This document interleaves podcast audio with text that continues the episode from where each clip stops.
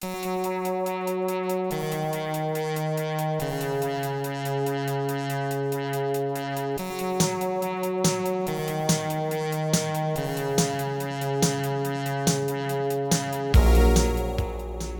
to First Draft with me, Sarah Enni.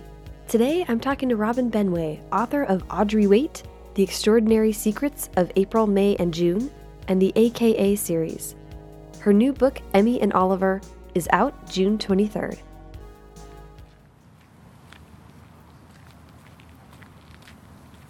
Robin lives in Los Angeles, near the Silver Lake Reservoir and the rolling green of Silver Lake Meadow, where, on a sunny afternoon, and when is it not a sunny afternoon, families fly kites and half nude hipsters do yoga. Robin's apartment looks like something out of an Anthropologie catalog, complete with Juliet balcony. She herself has princess hair, and her adorable dog Hudson looks like an Ewok. Robin is basically living her best life. On top of that, the story of how she came to be published is something out of a dream.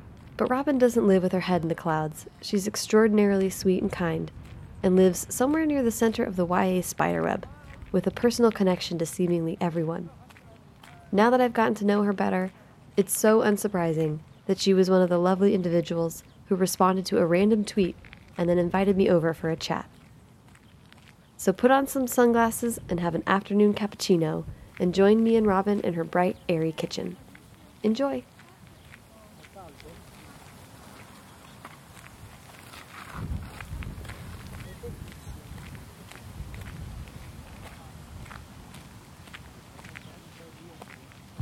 Okay. Uh, so, hi, how are you? Good, how are you? Good. It is so nice to meet you. Thank you. Thank you for coming over. Oh my gosh. Well, thanks for having me. We are in your adorable apartment in Los Angeles. It's so cute. Thank you. Um, so, I do want to talk about uh, starting at the beginning, which Okay. is where were you born and raised? I was born in Inglewood, California. Okay. Inglewood. I was born on a full moon, and my grandmother wasn't allowed into the hospital because the security guards were like, no, it's too dangerous. It's a full moon. And of course, my grandmother was like five feet tall, and Oh she my barreled. gosh. She just went in because I was her first grandchild, and no one was going to stop her. So, Wait a second. I'm confused. Why was it? because I guess bad things happen on full moon nights, And and, were just- unless she was the one in labor or with an emergency, they weren't allowing people in. I, Wow. The hospital is now closed and shut down. If that gives you an idea of where I was. That is hilarious. Oh my goodness. But um, and then we lived in LA for a year with my parents, and then after a year, my mom heard about this new community called Orange County, like an hour Oh. south. Oh my gosh. And so I grew up in Orange County. I grew up in Laguna Hills, California. That's I heard about this new community. That's so funny. Yeah, I mean, it literally was just like nothing there. She actually had to put an ad in the local penny saver for other people with kids my age to be like, do you have Really? kids that my daughter can play with? Oh my gosh, that's wild. So So, it was was it empty. when you were growing up there? Then was it? It was kind of rural, or it was? It was, and then of course, Now it became what it is now. It just grew exponentially, and it just became huge. And Southern California, Mhm. through and through. Where did you go to school? I went to high school at Laguna Hills High School, and then um, I just got so tired. I just wanted to get out of California, and Yeah. so I applied to NYU. I only applied to one college, and I got in. Thank goodness. Wow. and I just moved to New York like six weeks after I turned 18, and I went to NYU for two years, and then just got burnt out on the city. Like it's a hard city to live in when you have money, and as a student living in a dorm with three other girls, and you know you're sick every month with something. So. yeah. Oh my gosh. So. I just just like I'm done, and so I moved to Santa Monica, and I finished school at UCLA. I think um, growing up in California, all the things that I wanted to get away from as Mhm. a 17 year old were suddenly the things that I wanted to go back to. And part of the reason I moved to Santa Monica is I knew I was going to UCLA, Mhm. and I had gotten back in there. And then also I just wanted to see the ocean. I was living in a dorm my sophomore year in New York. That was literally the window looked at the wall across the way, and it just I got burnt out. And it was hard because all of my family was here, and I'm really close to them. So I would be gone for four months and then, you know, come back to LA for a month for Christmas. Yeah. And then go to New York for four months and come back for three months. And I couldn't get settled anywhere and it was Yeah. really, really Yeah. difficult. It's a it's a champagne problem to have to pick between New York and Los Angeles. Right. Right. But I just decided to come back to California. so what were you studying? The first two years, I didn't declare a major at NYU because I didn't have to. And then when I came back here, I chose um, sociology because I loved reading, and I still kick myself to this day. It was the dumbest thing I've ever, well, one of many dumb things that I've done. But I um, didn't want to do the Shakespeare. because I didn't like the professor that was teaching the Shakespeare. And then when I was a sociology major, I um, worked for Random House. They had a West Coast publicity office Oh, okay. in Santa Monica. And so I called them up out of the blue, like literally looked them up in the phone book. And I was like, hey, do you guys want an intern? I'll work for free. And so I got class credit toward my major by working in the office. Wow, that's It was really great. It worked out really nicely. yeah. Well, okay, and um, so that brings me to my next question, which is when um, did writing begin? It sounds like you were interested. I think I've been writing since I was eight. You know, Really? like in the summer, I would take like those creative writing classes at the local, school, you know, Mhm. local community centers or whatever. But I just always wrote, and I always had like a little spiral notebook, and and I was a huge, huge, huge reader. Like my mom would always, you know, take us to the library every week, and we'd get the huge book bag filled with you know 20 books, and then trying to find them to bring them all back the Oh my next gosh, week. yeah. And so it was just always part of my life, but I didn't know how to make it as a career. Like now, as a writer, I go talk to high schoolers or Mhm. middle schoolers, and I, you know, talk about what it's like to be a writer. But I never had anything like that, and so I didn't know how to be a writer. And I Mhm. thought, well, I'll just work in publishing. Like that's what I'll do. like I had the whole plan for not being a writer. Yeah. really plans. That's hilarious. Yeah. Well, and that you you, I love the the thought process of. I can't make being a writer into a job, so I will work for a publisher Yeah. where presumably other people are writing as a job. As a job, yeah, and that's exactly what happened. That's exactly what happened. Sociology major. Yeah. because it was I was suddenly around people who were doing it for a living. You know, Mhm. people who it was mostly adult fiction. I was working for um, Ballantine and then Knopf as a publicist. Ultimately, that that internship parlayed into an assistant job, which then became a publicist position. So it was great, but I was suddenly around writers who were doing that, and I was booking the media tours and the promo tours and getting them, you know. In PR stories and things like that, and it suddenly became a viable option Yeah. which so the logistics part was taken care of and that oh this is how you could do it Right. and then it became purely emotional of no no no i can't i can't be a writer Oh, there you know? go. yeah How long did that block last? until i was probably i sold my first book i sold audrey three months before i turned 30 okay. and so i would say it probably lasted like 12 years or so yeah and- until i actually sold a book i still didn't actually think it was going to happen Wow. But nobody- you were still writing. I mean, you never stopped writing. Oh no, I never stopped writing. I never stopped writing. I would always come home. Like that was my my come down, so to speak, from Mhm. the day. Is I would sit in front of the computer, but I was writing like these stories that were like like Bukowski. You know what I mean? Like just Really? the most stuff I didn't know because I hadn't experienced like adultery and people smoking after having sex and you know I'm like I don't know about this stuff. This isn't my life. This isn't. So I think that's also part of the reason why I wasn't progressing as a writer. I would Mhm. take classes at UCLA Extension, and I had this one teacher. Um, his name was Rob Roberge, and he's a great writer. And he actually has a memoir coming out, I think, next year. Mm, cool. He we handed him something. It was like a first draft, like a short story, Mhm. and then he gave me notes on it. So I edited it and gave it back to him. Mhm. And he wrote on the back. He said, "You really are quite a writer." And that was the first time I had gotten feedback from a, a writer. And so that was like, oh, okay. But it still didn't feel like, okay, that's good to know I'm a writer. You know, but it just still didn't feel like it was actually ever going to happen. That is so funny. Yeah. And then um, after 9 11, they closed the West Coast office. So, yeah, so a lot of people, and I'm still friends with, I mean, I still see those people all the time because Yeah. everyone's still in publishing somehow. Yeah, yeah. Um, and so I worked for I worked as a, for like a syndicated radio program, and I was like the assistant, but I also edited the programs and the commercials. cool. And then um, I was the um, publicist for Book Soup in West Hollywood, hmm and so I would do all of their events. I was basically the event manager and PR director for Book Soup, and so that was an amazing education. Yeah. Because suddenly I was like, okay, this is how events are run. Yeah. This is how you do it. Like we got pitched at Book Soup like 300 events a month, we only did like 300 a year. Oh wow. So I was constantly getting pitched. So as a writer now, I'm like, I'm very grateful to be in your store doing yeah, event. yeah, yeah, yeah. And I met a lot of people at um, Book Soup too that I still see and know, and it's just, again, I was sort of creating this this perimeter around writing without actually Yeah. becoming a writer. So. Which is so funny, but also really neat because then when when I'm guessing um, when it, when it all fell into place, you were so prepared. I mean, you you knew what the deal was. You know what? I feel really, really fortunate. It's like um, anytime something comes up about film or TV, I'm like, I have no idea what's going on. I do not understand how this business works. Yeah. You know, have at it, professionals. Let me know what happens. But as a as a writer in publishing, I really, really feel lucky that I understand how publishing works. I mean, again, I worked in it 11, 12 years ago before the internet. You know, before blogs, before Twitter Right. and Instagram and social That's media. So it's a very different form, but I think the bones of it is still the same. Yeah. So. Yeah. When did you transition from writing people smoking after sex and having Yeah. affairs and to YA? Um, I was working at Book Soup and I got really, really sick and um, my hair started to fall out. And so I went to the doctor and it turned out that um, I was diagnosed in like a 15 second phone call. I did a lot of blood work and a lot of tests and um, it came back that I was really anemic um, and it was from celiac disease, which is basically gluten Mm-hmm. allergy. Mm-hmm. So I was before gluten was trendy. I could not eat gluten, and then also it turned out that I was a type one diabetic, and oh. so they discovered that while doing all the tests for celiac. So I was 26 years old, and just literally a month after turning 26, and it was just like this one-two punch of. You know, you feel so invincible until something happens. And it was just really scary. And also at the time, my dad was dying from type 1 diabetes, basically, from complications. Oh. And then he passed away nine months after I was diagnosed.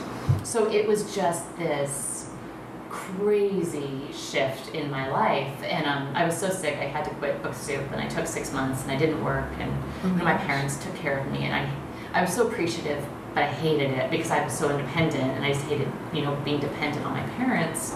So um, after all that, I ended up becoming a sales rep. I found this job after my health got back on track, and I became a sales rep for Pearson, and basically doing a lot of college textbooks and computer manual, Adobe, Photoshop, Yeah. stuff like Yeah. that. Stuff that I wasn't even quite sure what they did. Yeah. So I went to a lot of bookstores and a lot of colleges, and you know, it was good, but it wasn't the job for me. Like I'm not great with numbers. I'm great at math, but I'm not good at keeping track of finances. Uh-huh. And so I um, thought, well, I don't want to do this anymore. How do I get rid of it? So um, I thought, well, I'm going to apply to MFA programs because I didn't know how else to be a writer. Like I, I couldn't just take the leap. I been taking classes at Right. you know UCLA Extension, which is like continuing ed or adult Yeah. ed. Um, and I thought, okay, well, I'm going to apply to MFA programs. And so I applied to three, and I got rejected from all of them, and all they all arrived on the same day. so it was just like I just remember like trying not to cry in the car because I was going somewhere when I kind of found out, and I was like, okay, you can't cry in the car because you're going somewhere, but when you come home, you can cry all you want. Oh my gosh. And it was just, it was so hard. And somebody said to me, well, why don't you, why don't you do something, like, why don't you just try writing? then? Mhm. Why, don't, why do you have to go get an MFA? Why can't you Mm. just write? And I was like, oh, because I always thought, you know, I had to do it quote unquote legitimately, and that Mhm. meant going to school. Mhm. It didn't just mean, okay, I'm going to write a book and I'm going to see what Yeah. happens. So for the, um, getting to your question, Yeah, yeah, the answer to that question is I wrote a piece for the MFA. You have to write, you know, a short story for the MFA application, and I wrote it from the point of view of like an eight or nine year old girl whose older sister becomes pregnant. Ah. And so it was told from her point of view, and it was the first time I had ever written, you know, anything from a, a child or a teenager perspective. Interesting. And I was like, this, I got it, like immediately. And that was right when I think YA was starting, like 2005, when it was starting to become Mm-hmm. You know, heading towards what it's become now, which is this juggernaut. Yeah. And so um, I was like, okay, I'm I'm gonna quit this job and I'm gonna take a year and I'm gonna find out if I can write a book and, I'm, and I'm gonna figure out what I'm gonna do. That's so And brave. yeah, it was scary. but you know, it's funny because I'm really close with my mom and my brother, and I told my mom and my brother, like, I think I'm gonna quit this job because it was it's a sales rep job. Those are great positions. They Yeah. they cover so much. They pay for so much.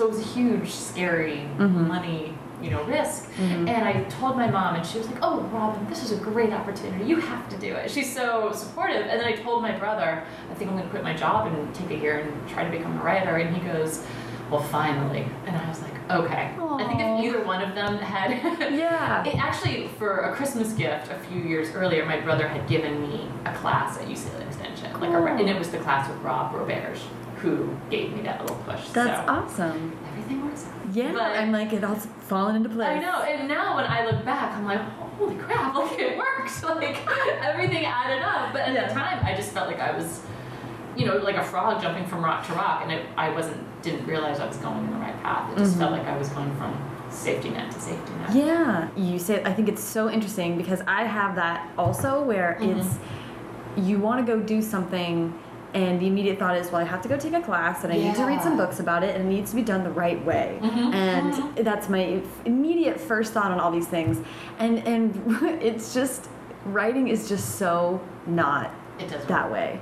It doesn't need to No. be formal at all, but No. it's very intimidating when you're used to sort of doing it that way to open an empty Word document. Yeah, you would. Yeah. It, it did feel like this is uh, this is I'm like kidding myself, Yeah. which yeah. is really hard to get over. It is, and I think especially, um, and I grew up with a lot of girls who are like this, and I, maybe you are too. But like as the girl who was always in the honors, you know, took all the honors classes, took the AP classes, Yep. went to college, you know, Yep. went through the honors program there. Like you do things very systematically, and Yep. so when school suddenly is not an option that I couldn't get in. It was like, well, now what? Yeah. You know, I've never not gotten into school, so Right. what do I do?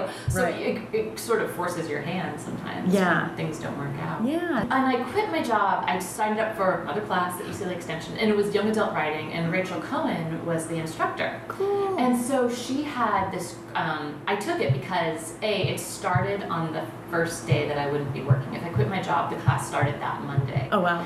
And I was like, it's a sign, October 2nd. You know, it's Yeah. supposed to be. I still remember the date. And then um, Rachel had this reading list, and David Levithan's The Realm of Possibility was on there. Mhm. And it was, I remember reading it, and I just couldn't put it down. And I remember thinking, if this is what YA is right now, I'm in. Like, this is what I want. And it just spoke to me the way that, like, reading Percival Wallflower spoke to me at, I think I was like 20 when I read that book. Perfect age. Yeah, exactly. Yeah. And I just remember it, it's almost like it just infuses into you. You know what I mean? Like when you read a book that you love and you just want to go outside and be like, guess what just happened to me? Did you know about that? I read a book and it was amazing. And it was just, I read that, I read David Levithan and I was like, I'm in, this is what I want to do. And I just, I love writing from a teenager's perspective. I think they're so funny and they're so smart. And the way they talk to different people, the way they talk when their parents are around versus when their parents aren't around, the way they talk to each other, the way they Mhm. talk to boys. I think like my so-called life did that so well. Showed like the different ways that And Freaks and Geeks. yes, Oh. yeah. It was just, it was just, it was exactly what I was supposed to be doing, Yeah. and so I signed up for this class. That's amazing. Yeah. So, so did you have a story in mind that you were quitting to write? No, no, no, no. But I took the class because I was like, if I don't, I'm going to be home all day, you know, watching Let's Make a Deal or something. and I, I was scared of wasting the year because I had enough to live on for a year. You know? Okay, so yeah, you were like it was the plan. Yeah. But I then- I was scared of coming back around to September the following year and not having anything Yeah. to show for it. Plus, I'd have a blank year on my resume Yeah. too. So I took this class, and um, the assignment was write a short story, like write the first chapter Mhm. of the story. And um, I was in my apartment, I was listening to music, and this song came on. It was by the band Rooney, and it was "I'm a Terrible Person." And I was listening, and I was like, "This is just like the neatest song about this girlfriend, like this ex-girlfriend." And I was like, "I bet you anything that he was the asshole." And you know, she and she has no recourse, and she can't talk about it. And I thought that, and all of a sudden, everything. It, to this day, it's never happened this way, but I immediately was like, her name is Audrey, her ex-boyfriend is Evan, her new boyfriend is James, Victoria's the best friend. Like, I just knew who Ev Jonah's Victoria's boyfriend. Like, I knew who everybody was in the book, and it just hit me, and I was like, that's what I want to write about. I want to write about a girl whose boyfriend writes a song, and it becomes huge. Yeah. And I was also, it was like 2006, like probably when I started writing Audrey, and that was right when like emo music was really huge. And I remember being on a business trip the year earlier in Phoenix, and the Warped Tour was there. Oh, yeah. And so like it was, everybody was staying at the hotel that I was staying in, and like, and I remember just seeing these little tribes of kids walk around, and I was like, it's you know, music is so powerful, and it's it's something that kind of defines who you are and who your friends are and who Yeah. you find in your life. And so I would really want to write about that world. Yeah. Yeah. Um, was that reflective at all of your high school experience, like knowing people in bands or musicians? No, not at all. Really? No, I could not have been more. Middle school was a nightmare. High school was good. Like I Mm. had a really good group of friends. Some of whom I still talk to now. I wasn't bullied. It was Mm-hmm. before again social media. So I thank my lucky stars every day that I went through high school before the internet Yeah. happened. I just escaped. Yeah. it's like you can see like the wall coming down, and you're like, get out Facebook now. started my freshman year of college. It's Oh. like, wow, Perfect. Really got away with that. Yeah. it's funny, like now when I talk to high school kids, I say that like we had like dial-up internet, like Yeah. Prodigy was the thing, and they're always like, "Wow, like what a dinosaur!" And then you can also see like the I don't know, if jealousy is the right word, but that envy of like, especially the girls. You can always kind of see they're like, "Oh." How nice that would have been. And I'm Yeah. Oh, I'm sorry, kids. I'm sorry. Yeah. But I um, always really chafed against school. I was a great student. I knew Mhm. how to play the system, and I'm great at you know taking tests and doing the assignments. But I just I couldn't get out fast enough. I hated going, and I just I hated school from Really? like first grade on. I just hated it. Really? Yeah, and I did not do any events. You know, I was in Key Club because for your college. was I anything yeah. I did was purely for college application and not out of the goodness of my humanitarian Yeah. heart. Well, yeah. Um, key club. I mean. Yeah. Not changing lives here, people. Um, Gift wrapping at the mall at Christmas. oh my gosh, yeah. Um, what do you think it was about? Um, I just, I always, I just didn't like. I didn't like being told what to do, but I, I just didn't like being there. I remember in middle school, like running, you know, the track, you know, at mm-hmm. PE, and watching cars drive by, and I would just be so jealous of everybody in those cars. Wow.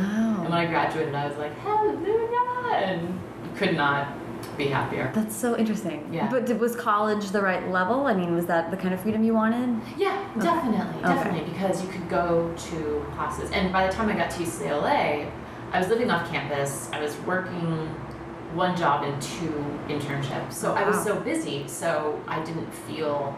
It was just to be able to come and go in a car and go to a class for three hours or a lab and then go out was Mhm. at a different time. But I just didn't like. I just didn't like it at all. That is. And again, so I had a good experience. I didn't have a negative.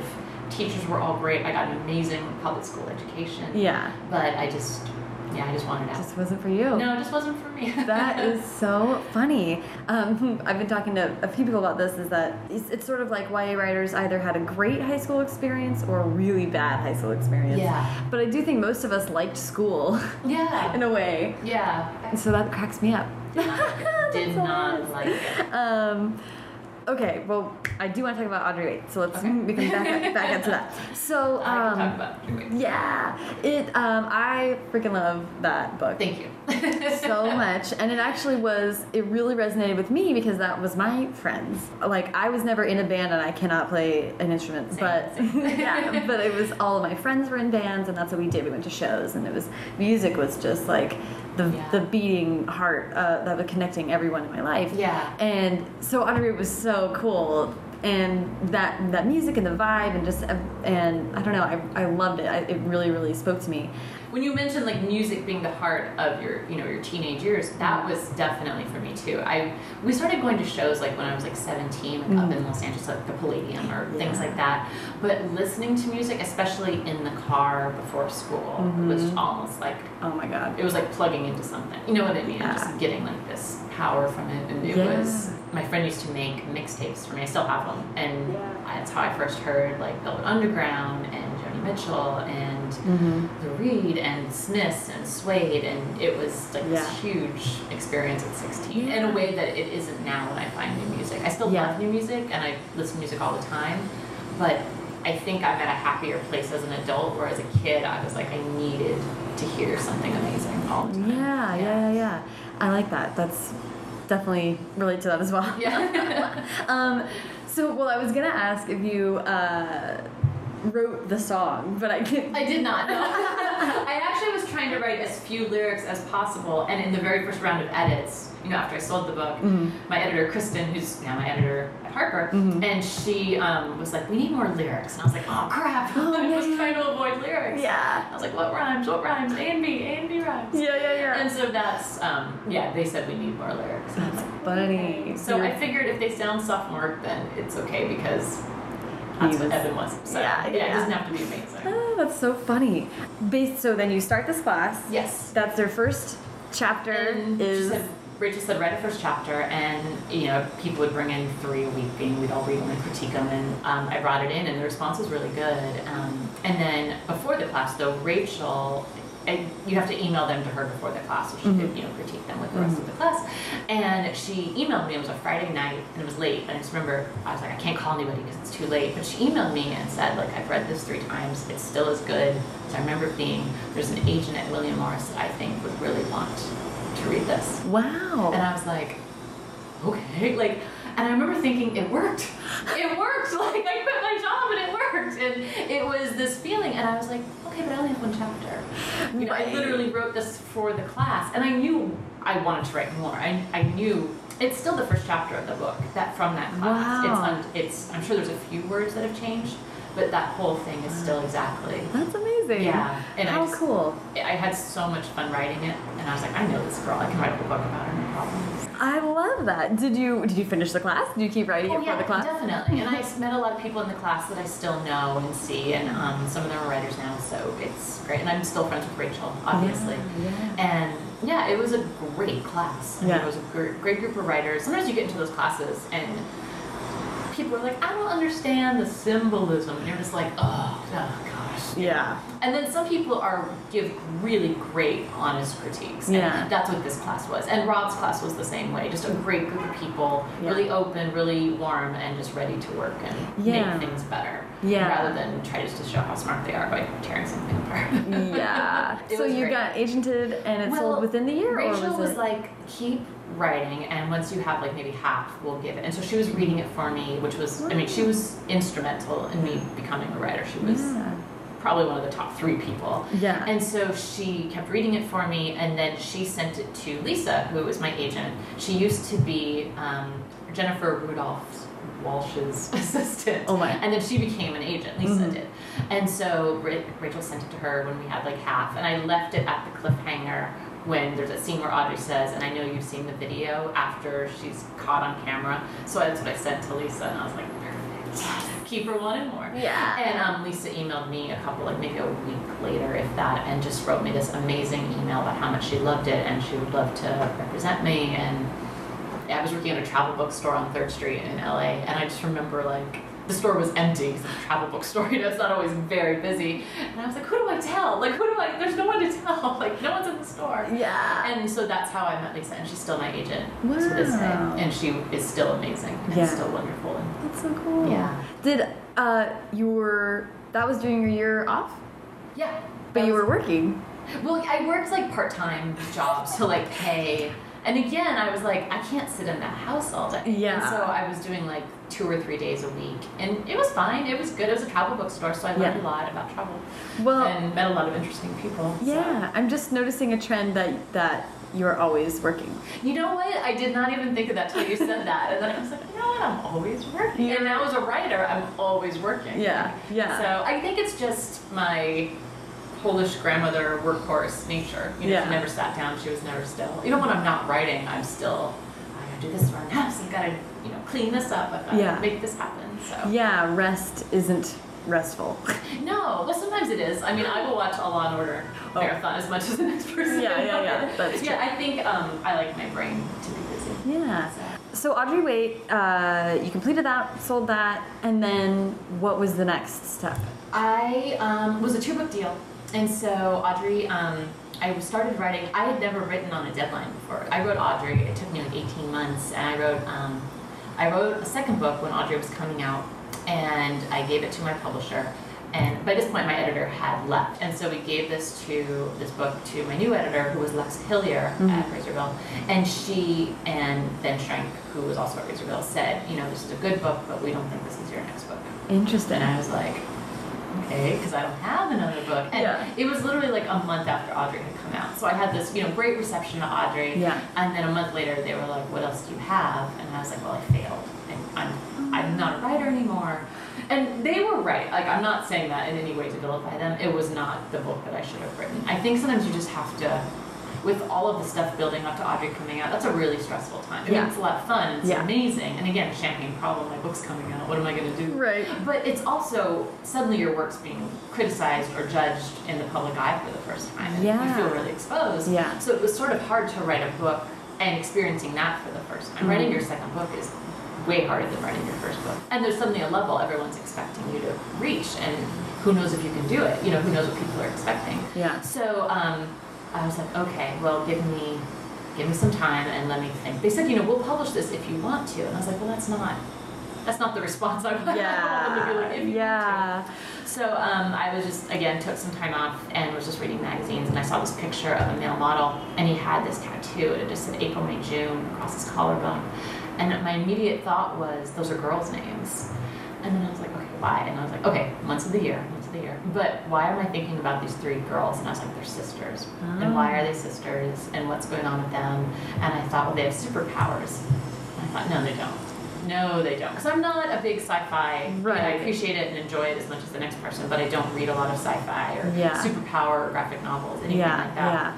And so I was like, oh no, I'm writing about super, girl sisters with superpowers. And so I started writing it, and I was under the gun because I had to.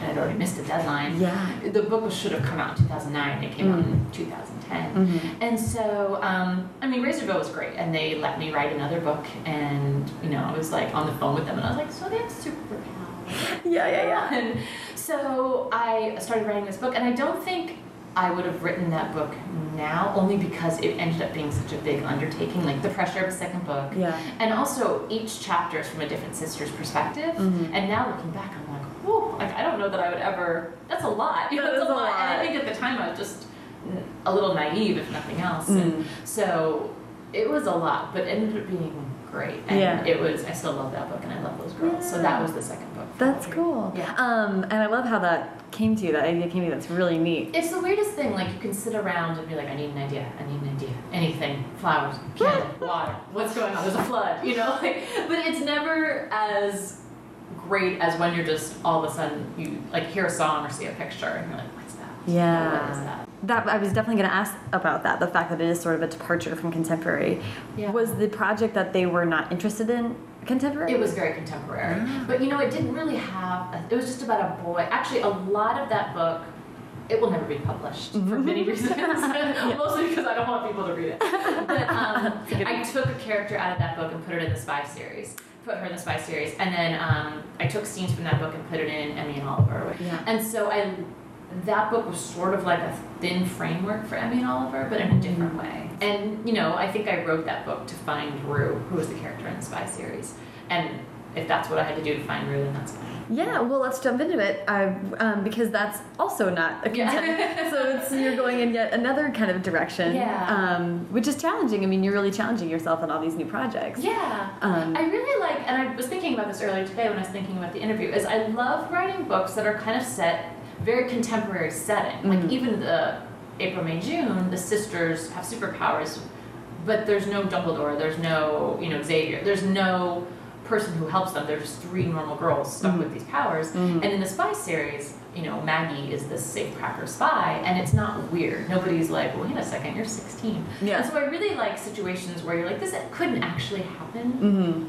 but Yeah.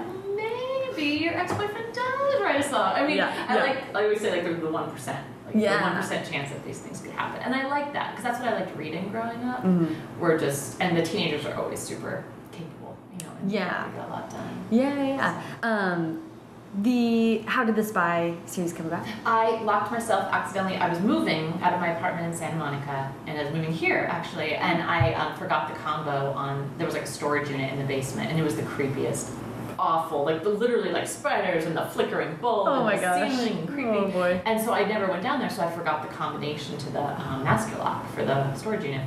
And so I was like, what do you do when you don't know what to do? And I was like, Google. So I ran back upstairs and Googled how do you crack a master lock.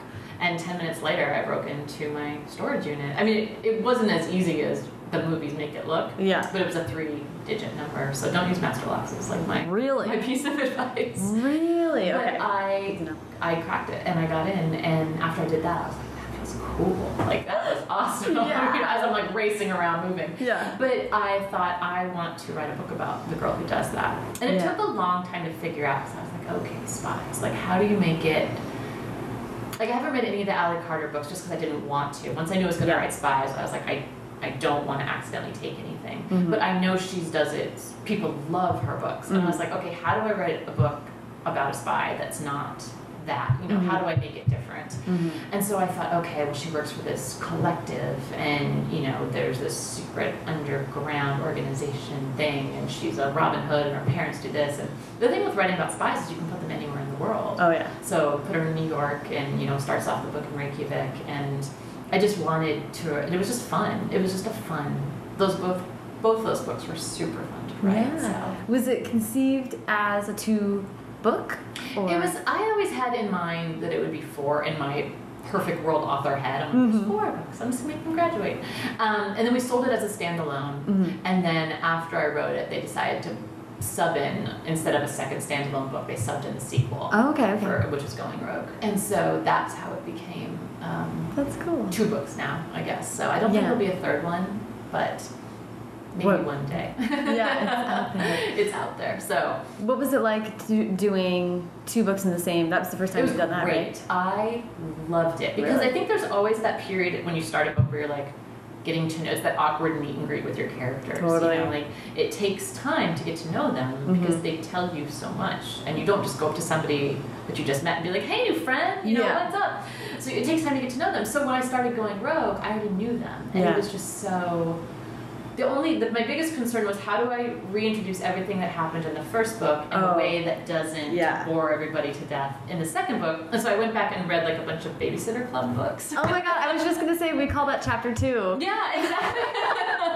because that's what they always Yes. Club. And I remember I would read, I read all of those books. Oh my so God. I went back and I was like, how did Ann M. Martin do this? And but but the funny thing about Babysitters Club is she's sort of just like it got to the point where I would just skip that chapter Of because it was like yeah. I've read this a hundred times. Well, when you're on like super special eight, Yeah, yeah, yeah. know Yeah. Claudia We got it. artist, yeah. but no, I loved writing a sequel just because, and I've never had a chance to see my characters. I always get to the point at the end of the book where they finally fall in love or they finally get taken together. Mhm. And this was the only time that I've ever been able to write it where they were already together, like Jesse Oliver and Maggie are together. Mhm. And it was great to write them as a couple because then I just showed them, well, how do they make it work? Yeah. Like, how does it, and she's a spy and all of that. So that was a lot of fun. That is cool. Yeah. Do you know? This is kind of a goofy question, but we're writers, so we can do that. Um, I told a friend once that I don't know what happens to my characters after the book is over, um, and she was horrified. um, and I was like, I don't know. I'm not a J.K. Rowling type. Yeah. I just that I had them for that moment, and Yeah. that's all I know about them.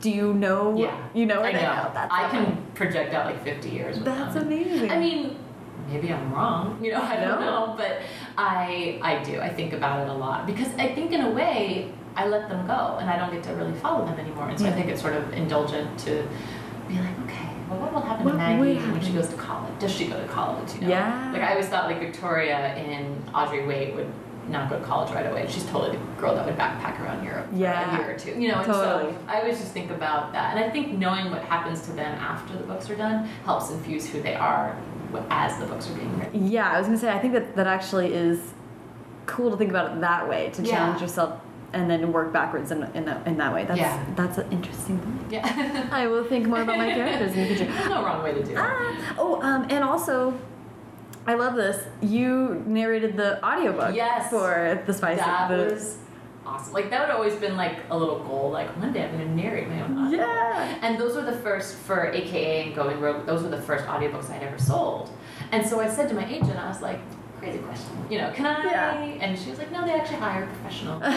this is like a thing. Yeah, and but she said, I mean, Lisa's great, and so she said to um, the woman who bought the book at um, Brilliance Audio, "Can Robin narrate it?" So I sent some MP3s of me reading, and they hired me. So I had to audition. And, Wow. yeah, they flew me out to Michigan, and I spent you know three days out there, Wow. and it was so much fun. And also too, doing that before the book, you do it before the book comes out, so they're you know released simultaneously. Mhm. And I caught so many like little typos or little errors, or I'm like that word doesn't sound right. So it's like reading your book. I always read them out loud anyway, and but now I had to professionally. Yeah. So it was a really good way to read the books and kind of catch all those little last minute things. Interesting. And you, so you were at the point where you could still change them. Yes. Oh, that's yeah. good. I was gonna say, oh, that sounds like torture. No, no, no. It would be way worse. Yeah. I mean, they were tiny little things. Yeah. I haven't upped yet, but it was. Yeah, it was wonderful. It was such a great experience, and going back to the audio was just great. It was Yeah. really fun thing to be able to do. Was the pull? I uh, mean, you worked in radio for a little bit. Was that kind of where the pull came from? I guess I had just listened to audiobooks where, and I think, I mean, I think audiobook narrators are great, but I would always be like, is that what the author wanted them to sound like? And I'm mm-hmm. such a, a control freak in that, oh my god, Maggie would never say it that way, you know, or oh my gosh, that's not what Roux sounds like at all. So I was mm-hmm. so scared, and to be fair, I've never heard anyone else read for those characters, so I don't know if I'm right or Right, right. But I just always thought, I want, I know what they sound like. Yeah. I know how I want them to sound. And so it was, I was like, we don't have to do any practice, you know, I know what they sound like. So, That's so interesting. and it was just nice to be able, and to be given the opportunity that they thought I could do it. And I mean, my mom likes them. She likes the audiobooks, so I'll take that as That's so a, a good thing. So. Um, and I'm, well, I'm so curious about this. They flew you out to Michigan, and then you're Mhm. just in like a booth. Did It's they like, a- prep you? Yeah, or? the record sign outside. Like we, I first got in there, and there was a director and the audio engineer, and you know they said, why don't we do? And I was, I was like, so nervous. Like I cried the night before, oh like Oh the Holiday Inn Express in Michigan. And I was like, I don't know. Maybe this is gonna be awful if I'm not good. It's gonna be so humiliating. Right. And so they said, why don't you just read a little bit to get the mic ready to go and warmed up and everything. And I was like, okay. So I just started, like I wasn't doing the audiobook reading of it, I was just mm-hmm. reading. And she comes, the director came back on Sandy and she was like, okay, so. And I was like, oh, did you want me to read, read? Like, and I said, you must have been terrified when you thought that that's what it was gonna sound like. Oh my god. But it was yeah. So then I did my audiobook voice. and Yeah. Did my version, and it was. She was like, "Okay, we're good. Go for it." I was like, "I'm so sorry. I didn't mean to scare everybody to That's death." hilarious. But That's the hilarious. real hard part was that there are lines. I mean, with the sequel too, there's characters who have accents. So when I narrated the audiobook for that, I was like, well, surely they'll just bring someone else in to do those voices. And so we get to that line, and so I look at the sound guy, and he's looking at me, and I was like, okay. So there's this whole database that they had, puppy. There's a whole database where they have different. Everyone's saying the exact same paragraph, but it's a 22 year old Irish man, it's a mm-hmm. 50 year old Italian woman, and so it was so. They would just play certain things, and I would just do line by line. And I was like, why did I put three of the, like, there's an Australian character and a woman from Senegal and there's um, a British guy. And I was like, why did I put them all in the room together talking to each other? Whose stupid idea was this? Who wrote this book? this is awful. And so it turned out okay. I was just, I was terrified. I don't really look at reviews for audiobooks, but no one's emailed me an angry email about my lack of Well, that's good. Australian accent. So. That's good. but I wouldn't do that again. So do you mean do you mean they would play you someone's accent so that you could then mimic it yeah, in the as, lines? but with the different words. Right. Yeah. That is hilarious. Yeah, and then there's Ames who's Irish, so like all of these different. I was like, oh my god. Ah! So it was fun. I mean, I learned a lot, and it was a lot of fun, and the database was super cool. Yeah. And I think I gave I gave myself like a C plus. I hope I did okay. That's awesome. That is good. um, so the then Emmy and Oliver Yeah. is the next effort after that. Yeah. It's such an interesting premise. Do you mind just giving a little Oh no no no! summary? Um, I mean Oliver. It's about um, kids who are born on the same day, grow up next door to each other. Um, they're just best friends, and then when they're seven, um, Oliver's parents get divorced, and his dad kidnaps him as part of a custody dispute, and he's gone for ten years. And then they find him when he's 17 and he comes back home and the book starts on the day that he comes home, or that he's found. You know, that Emmy gets the news that he's been found. And um, it's interspersed are flashbacks to their um, childhood. And the very first chapter is the last time Emmy sees him when they're seven. And then the very last chapter is the first time she sees him on the day that they're born. And so it, you can see how their friendship as teenagers becoming adults mimics their childhood experiences. so interesting. Yeah, and so yeah, How it was it was intense. Like I've never written such a serious book, but I mean, my books all have serious moments, but this was This is a serious topic. Yeah, I was so. gonna say not only is it is it a really a return to straight contempt, Yeah. but it is a really different tone. Yeah, very, very. Um, how did the it was is this like a rip from the headlines story You know, inspiration kind of or Kind of. I had heard a story growing up about a kid who was, you know, kidnapped by four, came home at 16. And I just remember like seeing an article in the paper and it was happy, happy, smiley, smiley. And I was like, I don't think that happens. You know, I mean, yeah, for the for the press, but once the cameras go home. And I really just wanted to focus on I wanted to be told from Emmy's perspective as this kid who's left behind. You know, her parents are very protective, overly protective because they've literally seen the worst thing that could happen to you as a parent. Your Yeah. kid just disappears. yeah And so she's, you know, she's always lived in the shadow of Oliver, and I really wanted to see. My plan for the book was to have their paths cross in the middle, whereas Mm. Oliver disappears and then comes home, and O- Emmy is always home, and at the end moves on to the rest of her life. Mhm. And so I really wanted them to have opposite experiences. interesting Yeah.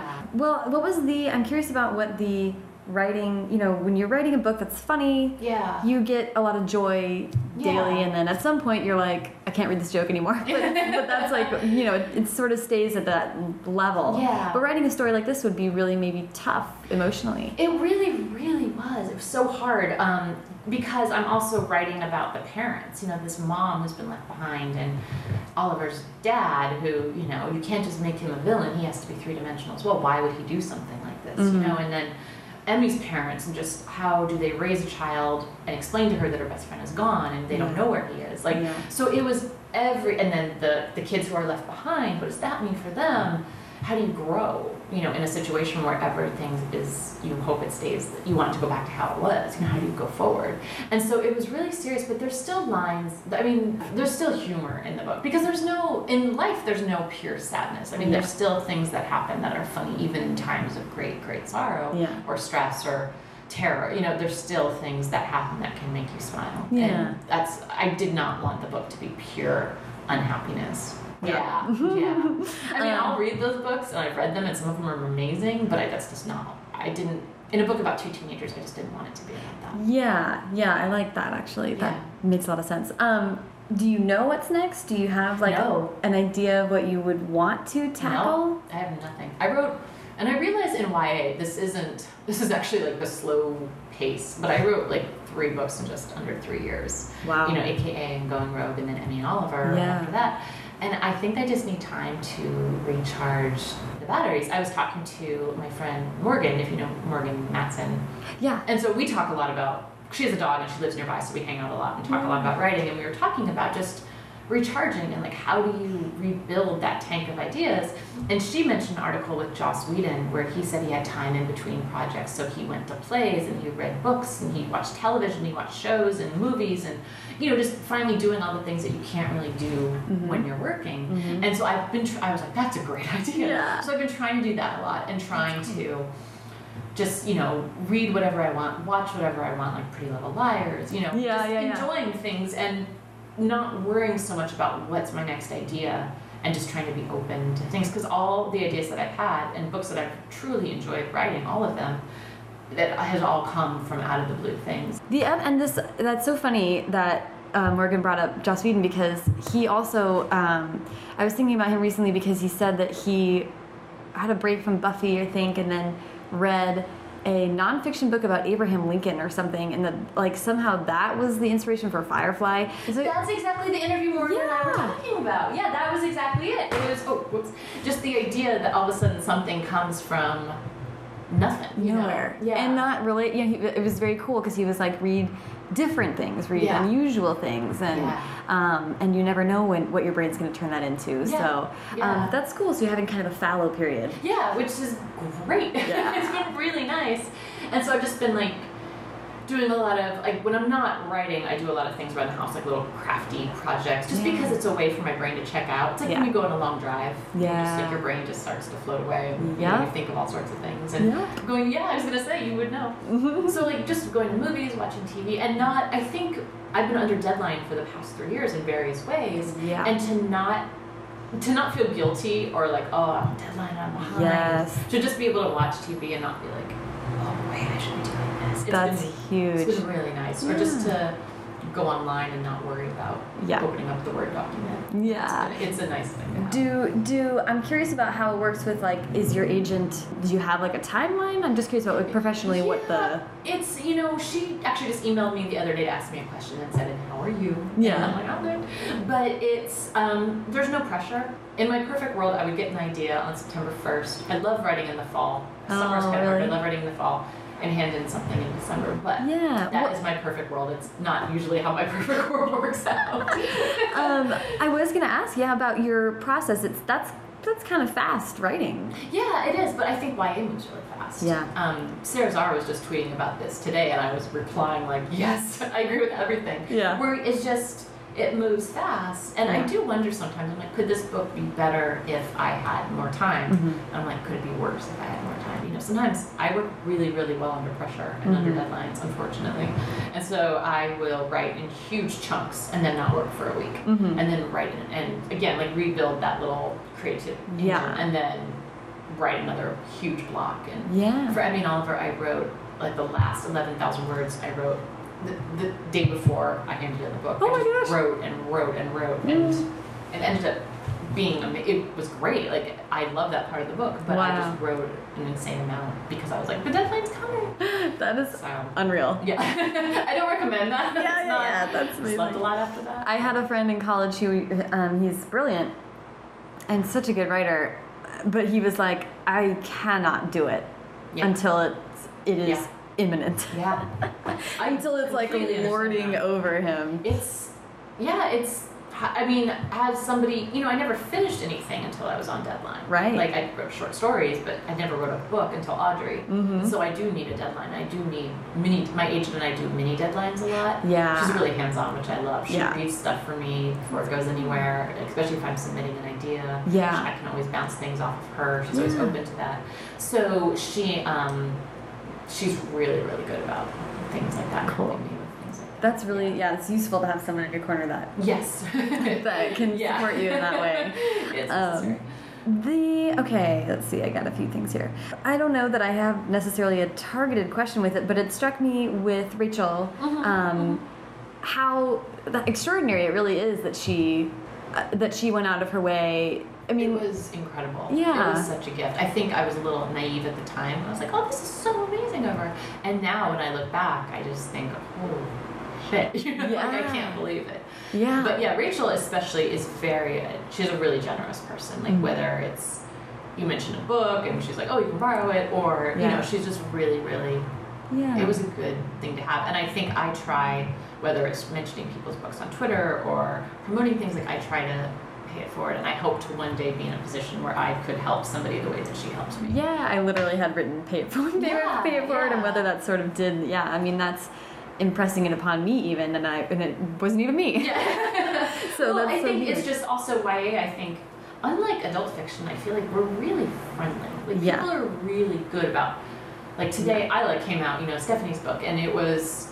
I was like, Isla Explosion on Twitter, and I'm more than happy to be like, look at the cover, look at Yeah. Stephanie, it's so great. Like, because I like Stephanie and I like her books, and I never, somebody said to me, my neighbor was like, do you ever feel competitive? And I was like, no. Because it's not like people are just buying one YA book. Exactly. I mean, they're all buying The Fault in Our Stars, obviously. But I mean, Everyone's people who read YA, I don't feel competitive with because if their book, A Rising Tide lifts all boats, you know? Yes. Stephanie writes contemporary, and if people are buying contemporary, I write contemporary. So I'm Yeah. happy to yeah. support it. It just, it never makes any sense to me to not be that way. Yeah, and it is so. Um, I mean, I was telling you earlier that I've firsthand now experienced the incredible generosity of YA writers and, and open heartedness of them, and and it it makes me sad to think about people in a who would be in a writing community where that's not the case because Yeah. We are hard enough on ourselves as it is. Oh, oh my gosh! Like you need a water cooler. You need a water cooler with writers around it, and Yeah. like you need to talk to people. And I can't imagine doing that and then wondering what their motives would be, or wondering Yeah. about different things. Like I mean, I know there's people like that in every genre, obviously, but Mhm. not my genre. And I don't like to. It just it's hard. Like we said, we're hard enough on ourselves. It's a hard enough job. It's a lonely job. You know, Yeah. I'm home. I spend so much time in my head Mhm. that when I go out into the world with books, I want people around who are supportive. Yeah. Well, and speaking of that, Yes. I am I'm super curious to hear from your years of experience Yeah. on the side of promoting and, and marketing and understanding how that works um, on that end of things, what are the big things that you took from that that you applied towards your own, sort of when you have a book coming out? Um, saying thank you a lot. Mm. Like a lot. I mean, that becoming a book publicist or an editor is not a job that you do because of the money that it pays you or the immense amount of travel you get to do. Right.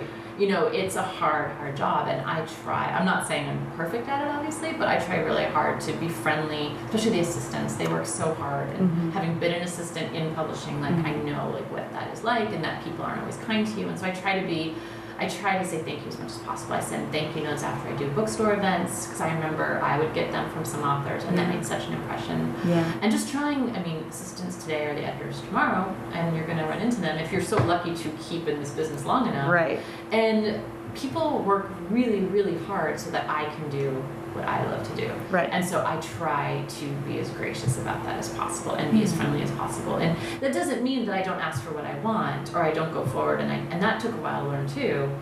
But I, I've learned how to say what I mean and what I want. And I don't like this and I don't like that. Yeah. What about this? But I don't like to bring something to the table. I don't like this copy. Like I try to say like, what about if we do it this way instead? Yeah. You know, I try to always present a solution rather than being the author who's like, do it again. You know, make it better. Yeah. You know, I try to be as collaborative as possible. And I don't know, maybe maybe my you know, maybe people are rolling their eyes somewhere and being like, oh she's the worst. But I I try really hard to just be as collaborative and gra- grateful as possible. Yeah, no, that's huge. And that's um, a good thing for all people to I try. to think about. Um, the uh, and book events. I'm just curious about what are because I talked to Rachel Fershleiser, Fershleiser Oh, yeah. um, who is Tumblr Rachel. Yeah, Yeah. Tumblr Rachel, who is um, so brilliant, and she, from all of her years at um, a, a bookstore in Brooklyn, um, she had such great things about like here's what you here's what would make a successful book event, Yeah. like what not to do. Yeah. What are some things that you've taken from that? Um, I think it's from both being an author and being on both sides of the fence. Mhm. Um, and I have to say, like my time at Book Soup, I feel a little skewed just because I was at the time getting sick, Right. and so I think I could have been. I think I did a great job at Book Soup, but I think I could have done an even better job if I had been at my full capacity of health.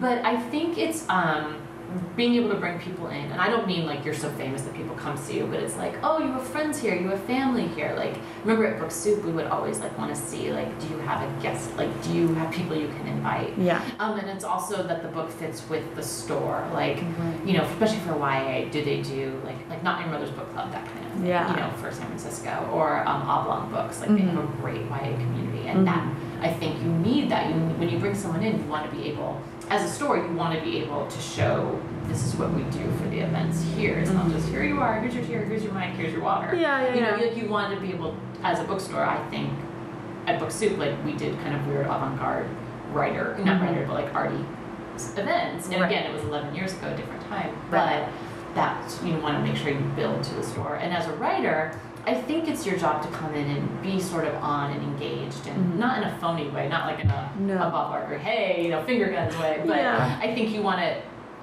It, it can be stressful, but I think you have to remember that people are there to see you, not Mhm. to be cruel to you, not to mock you, not to come and be like, "What's her deal?" Like, especially in YA, people are so excited. Like, they go to events and they want to see things, and I think just um, talking about the book, being open about the experience of writing the book. I think Mhm. that's what I like. I love um, writers who are good at Q and A too, Yeah. who can answer questions, and I think again being honest about the writing experience. And I don't always think you have to read something from your book. I think sometimes you can lose people that way. Yeah. And I say this as someone who did the audiobooks. I'm always like, we don't need to read a portion. It's fine. Ah, that's so funny. But I think, um, especially when teenagers come to the event too, I try to like answer as many questions as possible. yeah, Just that's because- cool. Yeah, I think. I mean, I'm, I'll talk to the cows and I don't really care. Yeah. But I think um, just being honest about the writing experience and Yeah. being like, it was great, and saying, oh, this part was hard, this was difficult, and this was awesome. Yeah, yeah, yeah. a good thing to hear. That's awesome. I love that. Um, yeah, it is fun to go to events and see teens, and I'm like, oh right, real teenagers are reading. I'm always surprised. I'm like, Teenagers are scary. You know, Yeah. they're, can be, they're sweet and lovely, but they can be very intimidating They because. I would say their bullshit detector is so high. Oh my god. And as writing the books that they read and writing about teenagers, you hope you Mhm. get it right. And then when they come to the events, I'm like, you're here for the good reasons, right? Not for the scary reasons. Yeah. Oh and they and they're always amazing and lovely, and Yeah. they read obsessively. They, Yeah. they read so much, so they know what they're doing, and it's always fun when they show up. Yeah, remembering back to then and how, and reading as much as I did, but not even having what the YA that exists now. Oh no, no. It's so, it's like we were just talking about them being a little bit sad about having Facebook. Well, I'm a little bit sad that I, we didn't have Oh, YA. We had no access. Yeah. Like I knew like Judy Blume, Anna Martin, Beverly Cleary, Mhm. you know, all of those writers, but I would never have known how to get it. I think that's why originally I was so skeptical about becoming an, a writer. Yeah. Because I didn't know how to.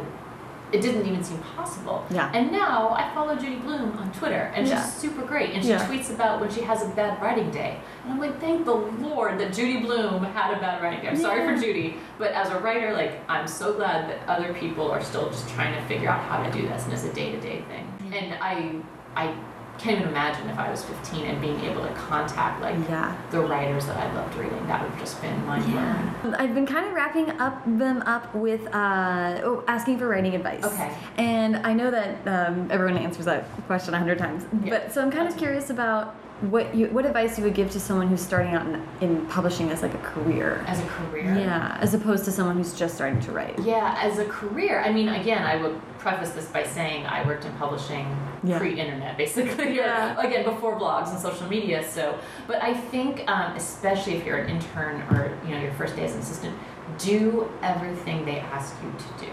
And I don't mean I don't mean illegal, obviously, but I mean in terms of like if they ask you to file a hundred files, file them Mm-hmm. um, if they ask you to sweep the floor, sweep it. Like, do everything because I remember doing that, and I realize now that they were asking me to do little things to see if I could handle the big things, and I could, and that's how I got my job based on my internship. Was Mm. I I did whatever they asked me to do, and Yeah.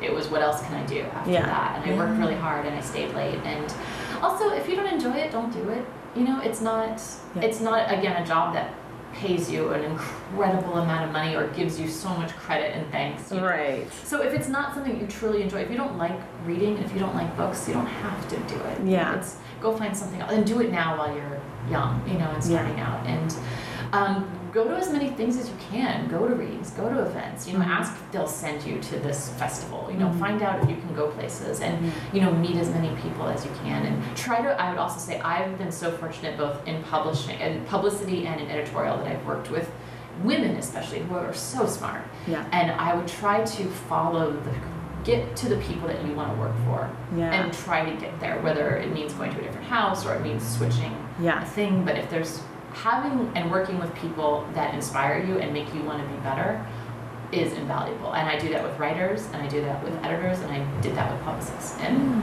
that's what I I think that's a good thing to do. If you if this is a job you want to do. Yeah.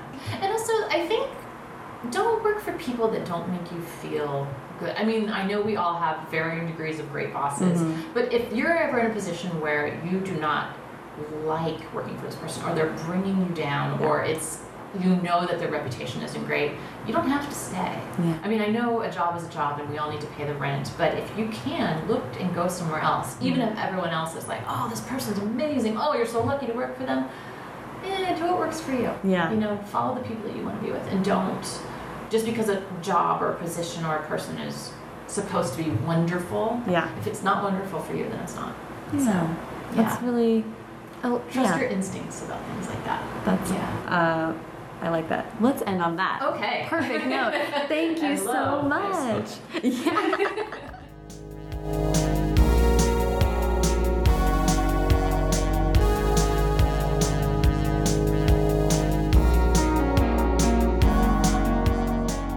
Thank you so much to Robin.